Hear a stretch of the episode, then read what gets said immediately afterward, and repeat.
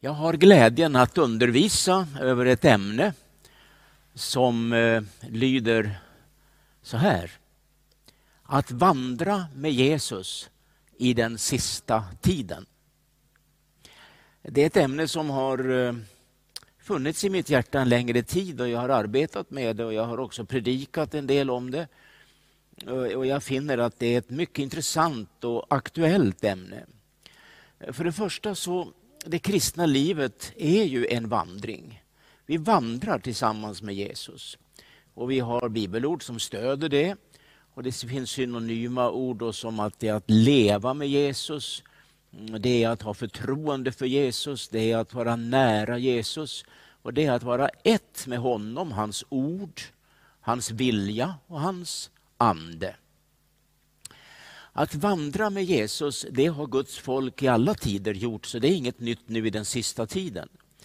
Det eh, gjorde man på Jesu tid här på jorden. Han, han eh, kallade lärjungar och de vandrade med Jesus. Och Det är ju väldigt spännande att läsa i eh, evangelierna i vårt nya testamente om hur de vandrade tillsammans med Jesus. Ena dagen var de uppe i den karga bergsbygden. Och nästa dag så vandrade de nere vid havets strand.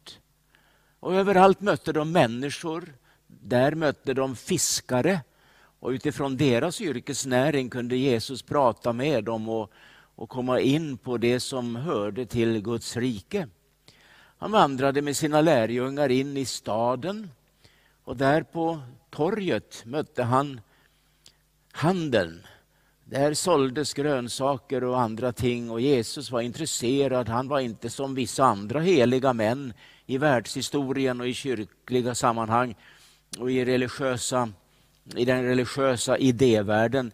Att de satt med korslagda ben på ett bord och bara grubblade över livets stora frågor.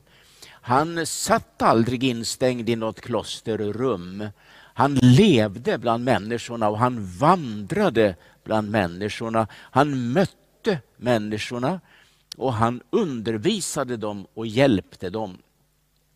Nästa dag kanske han tog sina lärjungar i en vandring ut mot landsbygden och där såg han lantbrukare och bönder. Han eh, talade med dem på bönders vis. Han talade om sådd och skörd och han var initierad också i det som var lantbrukarens vardag.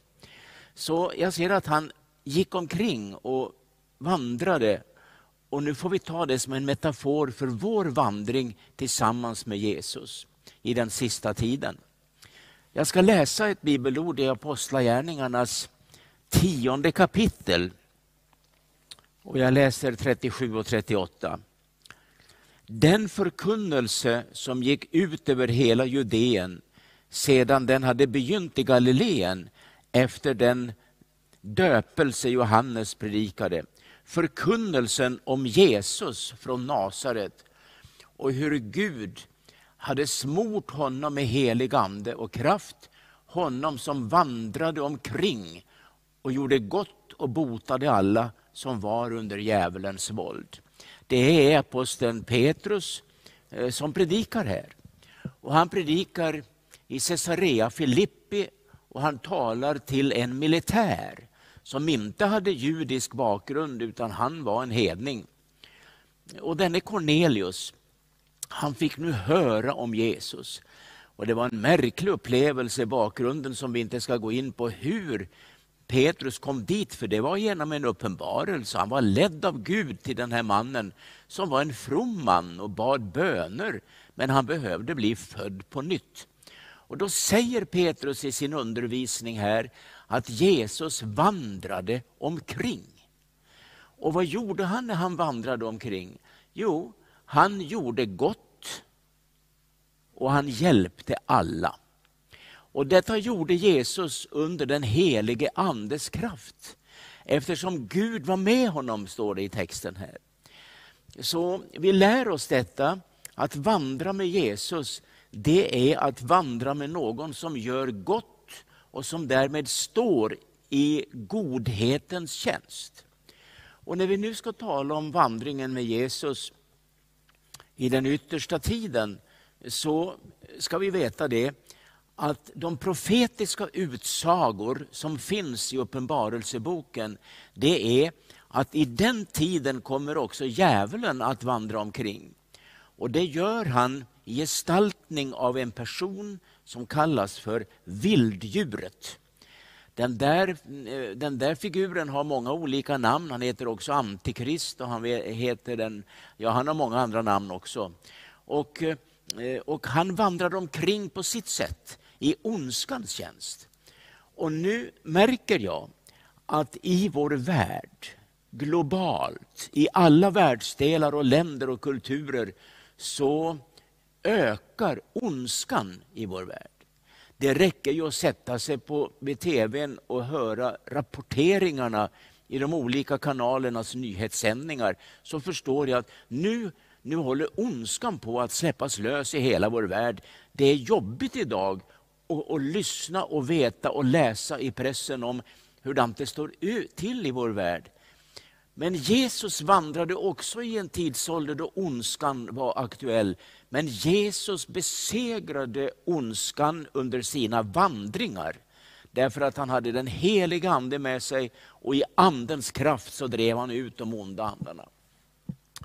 När jag nu eh, ska undervisa om att vi vandrar med Jesus i den sista tiden så, så, så är det en tid då ondskan eh, ökar och eh, det ska jag återkomma till i ett senare bibelstudium då vi ska fördjupa oss i de tankarna. Nu ska jag säga en viktig sak som måste sägas i begynnelsen av denna undervisning. Och det är det.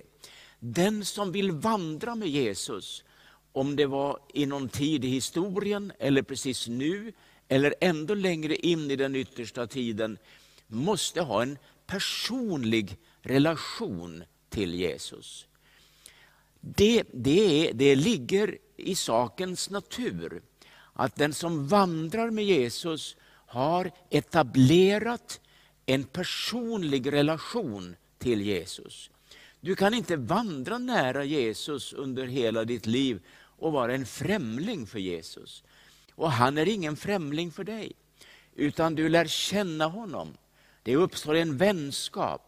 Det uppstår ett andligt DNA mellan er så att ni tillhör samma blodflöde och samma familj och samma gudomliga och mänskliga mix. För det är precis det det handlar om. För Jesus var både Gud fullt ut och människa fullt ut när han gick här på jorden och vandrade omkring. Och då gäller det också idag. Och när jag nu säger att Jesus mm, eh, vandrar tillsammans med oss och vi med honom så är det en personlig relation. Och Det första jag vill undervisa om då, det är att vi tar emot Jesus. För att få en personlig relation till honom så måste vi ta emot honom. Och Det, det handlar om omvändelse, frälsning kallar vi det för. Och Det handlar om pånyttfödelsens mirakel som vi kan läsa om i Bibeln i ett antal bibelställen. Vi tillhör Jesus och har en relation till honom därför att vi har tagit emot honom. Och Det där med att ta emot, det är en intressant sak. För gåvan Jesus är given till oss. Ty så älskade Gud världen att han gav den till sin till världen. Han gav sin enfödde son till världen. Så gåvan är given. Och nu har vi människor att ta emot Jesus som är en gåva.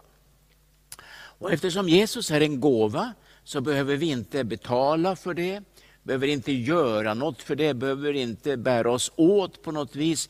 Det enda vi ska göra det är att tro att det där är sant. Och tro, det handlar i biblisk mening om tillit.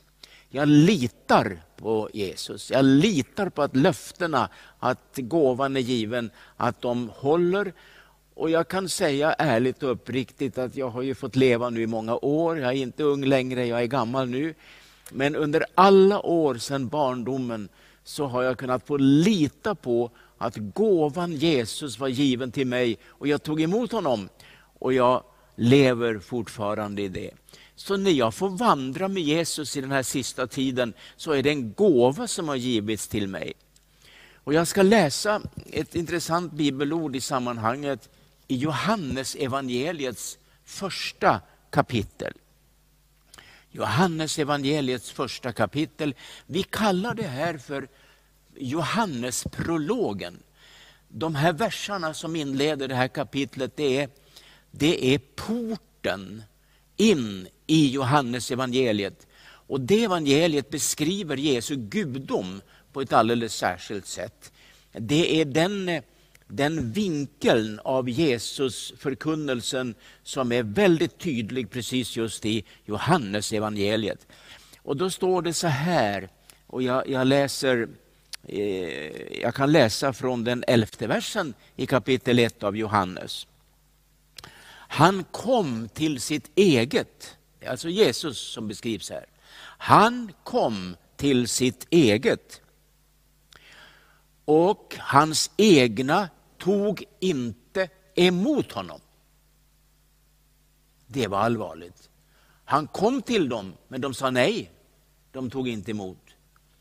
Men åt alla dem som tog emot honom gav han makt att bli Guds barn åt dem som tror på hans namn. Det här betyder att han kom till sitt eget folk och Jesus var jude. Det står utom allt tvivel var det på det sättet. Den mänskliga härkomsten var alltså judisk. Och han kom till judarna. Han föddes in i det judiska samhället. Han föddes där bland alla dem, men han fick en konflikt med ledarskapet, både det religiösa och det borgerliga. Därför att han predikade på ett sätt så de tyckte att han hädade Gud när han tog Guds namnet i sin mun och hävdade att han själv var det han predikade. Och då gick han över en gräns som inte var tillåten. Det innebar att man sa nej till Jesus. Man tog inte emot honom. Och över detta faktum kommer han ridande på en åsna på väg till Jerusalem som var livets sista destination där han skulle lida och dö. Och där, uppe på berget med utsikt över den heliga staden och det vackra templet, gråter Jesus. Han gråter över staden och folket. Och han utropar dessa bevingade ord. Jerusalem, Jerusalem, du som dräper profeterna och stenar de som blev sända till er. Hur ofta har jag inte velat samla era barn som hönan samlar sina kycklingar under sina vingar. Men ni ville inte. Ni tog inte emot, ni sa nej. Och över detta gråter Jesus. Han grät över folkets oförmåga att ta emot Guds gåva. Men, tillägger han, åt de enskilda individer som ändå tog emot, även om inte folket gjorde det, gav han makten att bli Guds barn genom att vi tror på hans namn. Den som har tagit emot Jesus får en relation till Jesus och börjar en livsvandring tillsammans med honom. Jag vill inte pressa den där bibeltexten men jag har anledning att reflektera över om inte det finns tårar i Guds himmel idag över de som har hört evangeliet som eh, den här mannen i Caesarea Filippi, Cornelius. Men de gör inte som han tar emot. De tar inte emot, de säger nej. Och i kyrkliga miljöer finns det många som hör ordet och de säger ja till en kyrklig kontext, till en kyrklig kultur, till kyrklig musik, till kyrkliga mm, verksamheter. Men de har väldigt svårt att säga ja till Jesus Kristus som person. Min svärmor var en gudfruktig person. Hon är hemma hos Herren nu sedan flera år tillbaka. Hon bad för oss och jag vet att hon, hon bar en, en, en stor börda andlig och hon, hon, hon var en bönemänniska. Men hon uppträdde aldrig offentligt i en gudstjänst. Jag vet nästan inte att hon bad offentligt i något möte, men hon hade en tjänst för Gud. Och på gamla dagar, 95 år kanske hon var, hon, hon fick ju leva länge, kanske ändå mer. Hon var mycket gammal. Så mötte hon några grannfruar, änkefruar som satt och pratade. Och så kom de in på andliga saker. Och då var det en, en kvinna där, som en väldigt fin dam, hon sa Ja, jag har inget emot kyrkan, jag går gärna dit och Gud, det är helt okej. Okay. Men den där Jesus, den klarar jag inte av. Och då berättade en annan kvinna som var med där och hörde det, kvinna som jag känner och vet väl vem hon var. Hon var ju gudfruktig och, och, och, och hon, hon berättade. Då tog Greta, min svärmor, till orda och hon gjorde det med auktoritet och styrka. Ja men kära du, Jesus det är ju det enda vi har, han är ju vår frälsare. Honom måste vi ta emot. Det är fantastiskt. Den som tar emot Jesus får en relation till honom. Det räcker inte med kyrkliga, varken frikyrkliga eller folkkyrkliga traditioner. Vi måste ta emot honom och det gör vi genom tro. När jag talar på det sättet så vill jag också säga det att som kristen och medlem i en församling så får jag ta emot Jesus i förnyelse ständigt och jämt. Nattvarden är ett sådant tillfälle då jag tar emot bröd och vin och jag får ta emot Jesus på nytt. Jag får en förnyelse. Jag får pröva mig själv i mitt, av mitt liv och min relation till Jesus.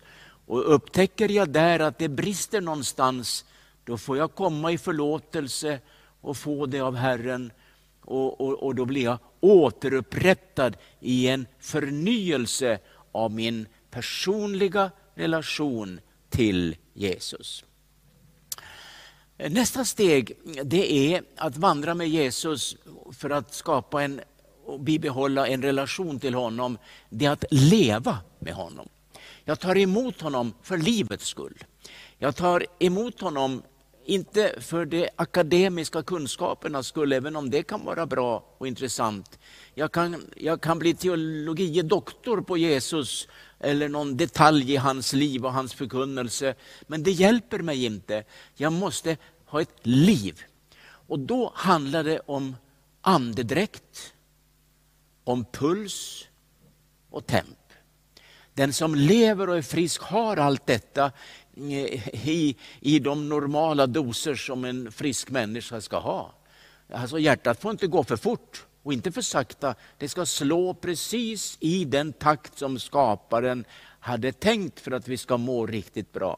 Och när jag tar emot Jesus som ett uttryck för vandringen med Jesus och särskilt nu då i den sista tiden så måste jag komma in i en andlig puls och rytm. Och när jag talar om puls och rytm så talar jag om musik. För musiken består av precis just detta. Musiken, det är rytmen. Och här träder den himmelska musiken in i människan som får bli född på nytt och lever tillsammans med Jesus och flödar i en himmelsk tonart som hjälper mig till en lovsång och en glädje inför Gud som jag aldrig kan hitta bara i de religiösa och inte ens i de kyrkliga kulturerna. Utan jag måste alltså bli född på nytt till ett levande hopp för att kunna hitta detta. Och nu säger Bibeln att det här livet jag får, det är evigt till sin art och sin, eh, sitt innehåll. Det är det eviga livet. Eh, så älskade Gud världen, säger Jesus i Johannes 3 och 16, att han gav sin enfödde son. Här har vi det. Han gav för att vi skulle ta emot. Han älskade världen så högt att han gav sin enfödde son på det att var och en som tror, det är mottagandet, tar emot genom tro, får det eviga livet. Ja men det är ju underbart. Och därför, alla som vill vandra med Jesus i den här sista tiden och konfronteras med ondskan, orenhetens andemakt som flödar i vår värld nu, så, så är det livet som hjälper oss. Livet i Jesus beskyddar oss. Andedräkten och pulsen och därmed harmonierna från himlen, det för oss in i dimensioner som gör att vi blir beskyddade och bevara det i den här sista tiden. Jag vill ta med en tredje punkt där och den gäller verkligen vandringen med Jesus i den sista tiden. Och det är att man ska följa Jesus. Jag tar emot honom, jag får livet i honom och jag följer honom. När Jesus kallade sina lärjungar så möter han dem en och en vid eh, tulltjänstemannens bord där han sitter och sköter sitt jobb. Och främlingen går fram till Matteus, tittar på honom och säger bara två ord. Inte många, ingen lång predikan, ingen argumentation. Bara två ord. Följ mig. Och Matteus står upp lämnar allt och följer Jesus. Att vandra med Jesus i den sista tiden, det är att ta emot honom för livets skull och för efterföljelsens skull. Och idag kan jag berätta att det är miljontals människor över vår värld som följer Jesus. Därför att de har tagit emot honom och fått livet med honom. Och en konsekvens av det är att man följer Jesus tätt i hans fotspår.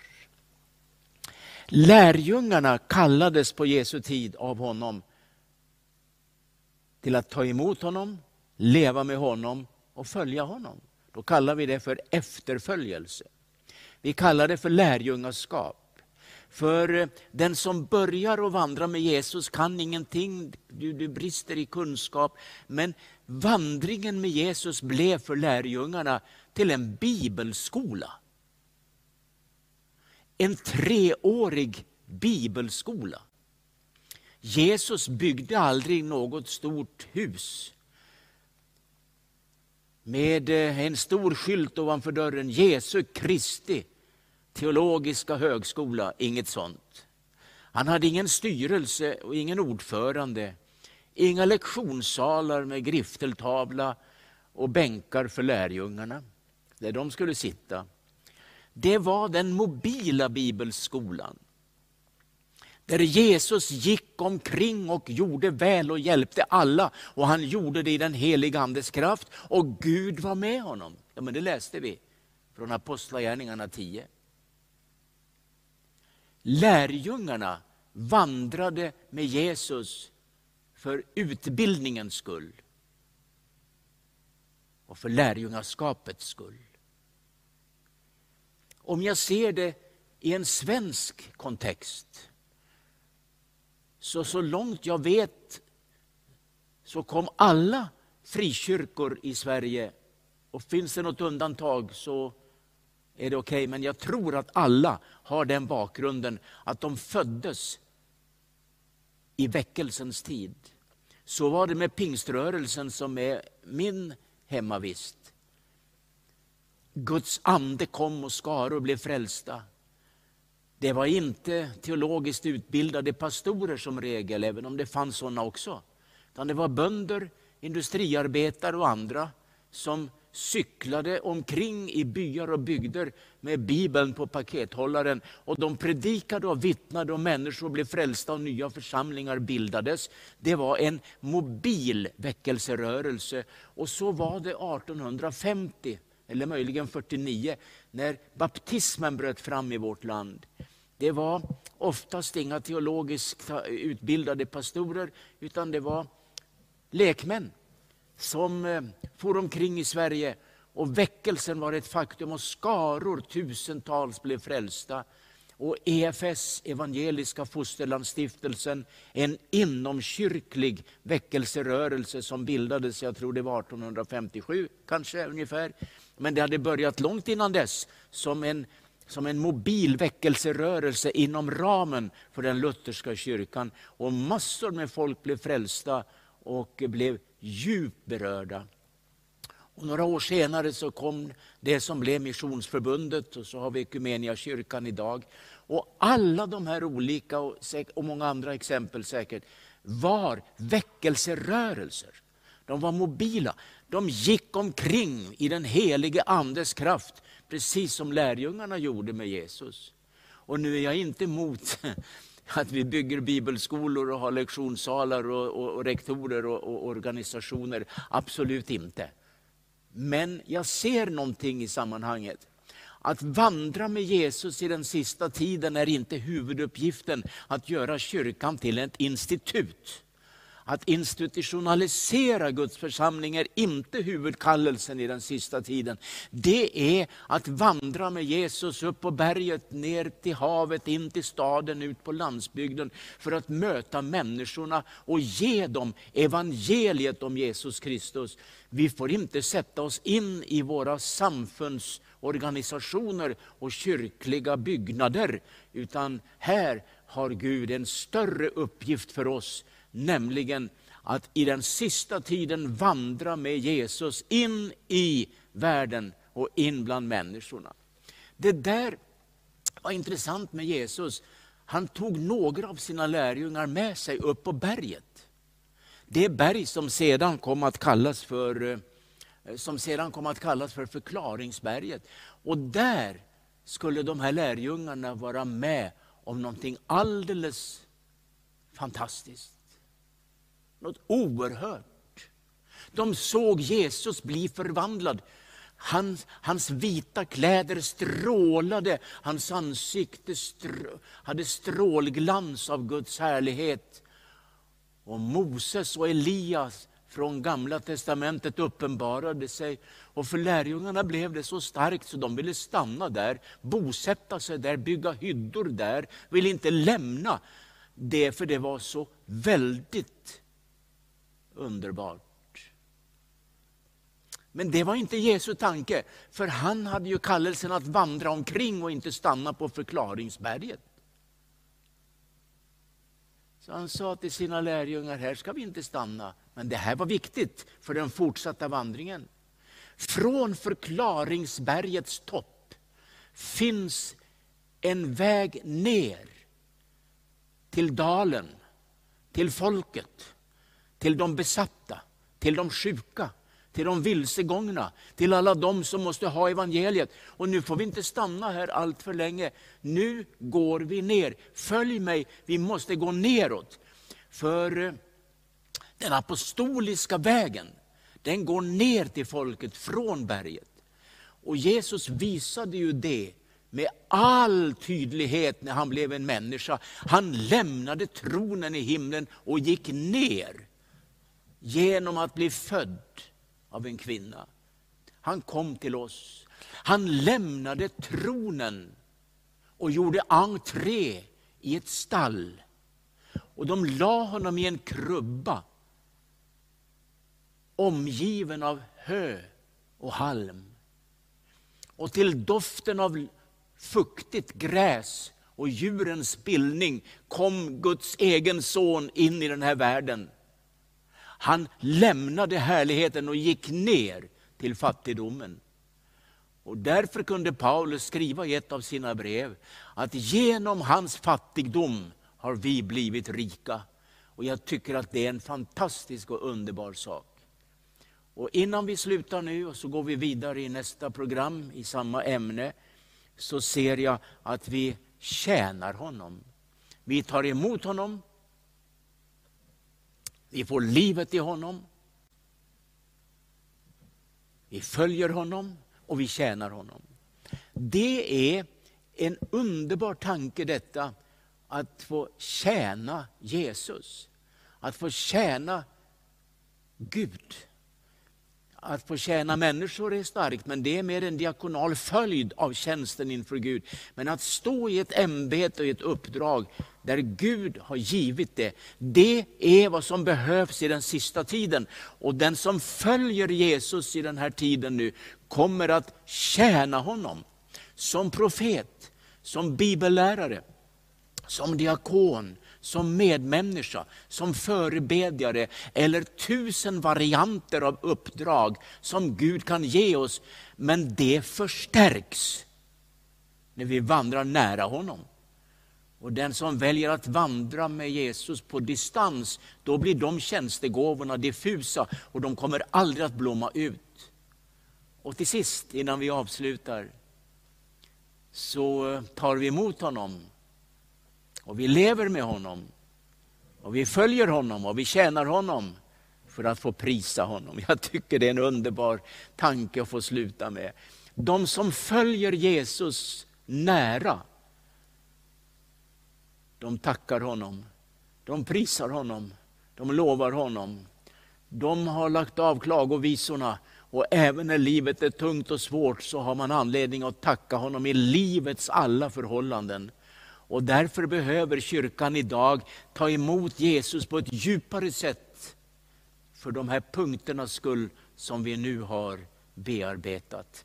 Och därmed tackar jag för den här gången och jag önskar dig Guds rika välsignelse. I Jesu namn tackar vi dig Herre för att vi får ha en personlig relation till dig när vi vandrar med dig. Och Det har vi fått genom att vi har tagit emot dig. Tack för det. Och genom att vi får leva med dig, underbart kära Jesus med det livet. Och vi får följa dig tätt i dina fotspår för att tjäna dig och prisa dig för resten av våra liv.